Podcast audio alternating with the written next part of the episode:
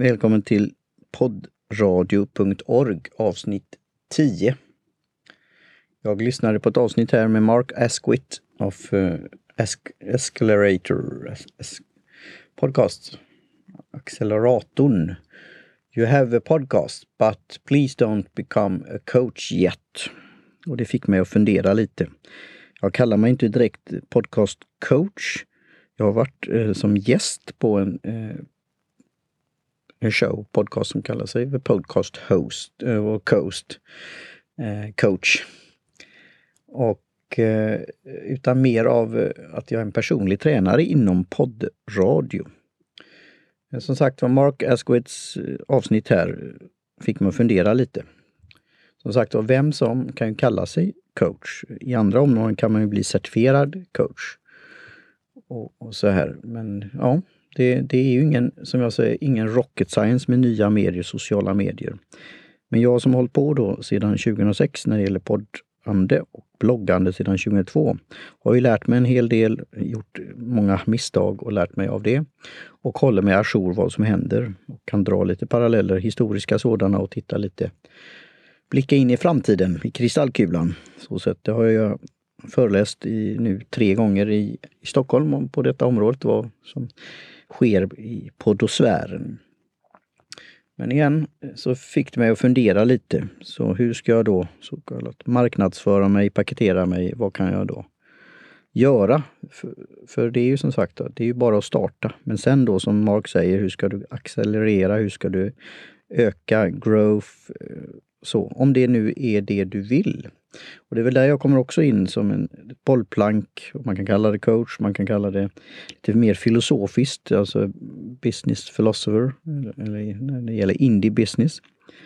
Och eh, varför man har en podd eller startar en poddradio. Och igen då så har jag ju i förra avsnittet så pratade jag om då att alla har en podd inom sig, precis som man har en bok. Det eh, håller jag fast vid.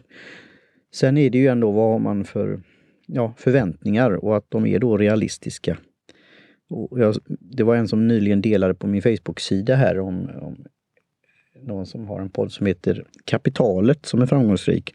Och de berättade i deras process att när de sökte efter investerare och kapital och hur det gick med det.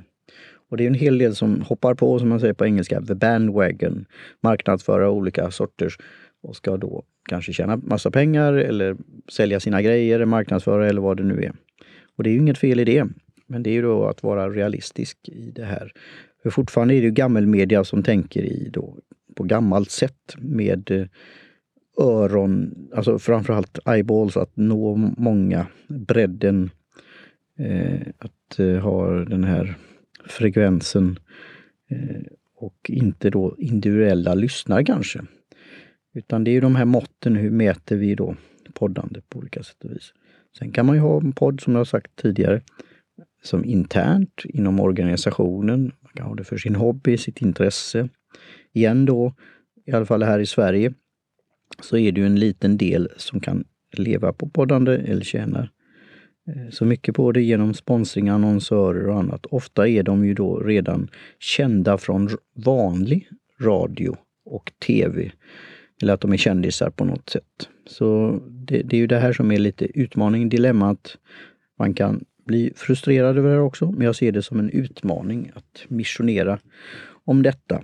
Men som sagt var, Marks senaste avsnitt fick mig en liten tankeställare här. Och jag ska fundera på hur jag ska lägga fram det mer, men som en hel del av de här jag har pratat med när det gäller poddande och den då som nu delade på min Facebook-sida, det innebär ju att ja, jag har lite cred inom den här sfären.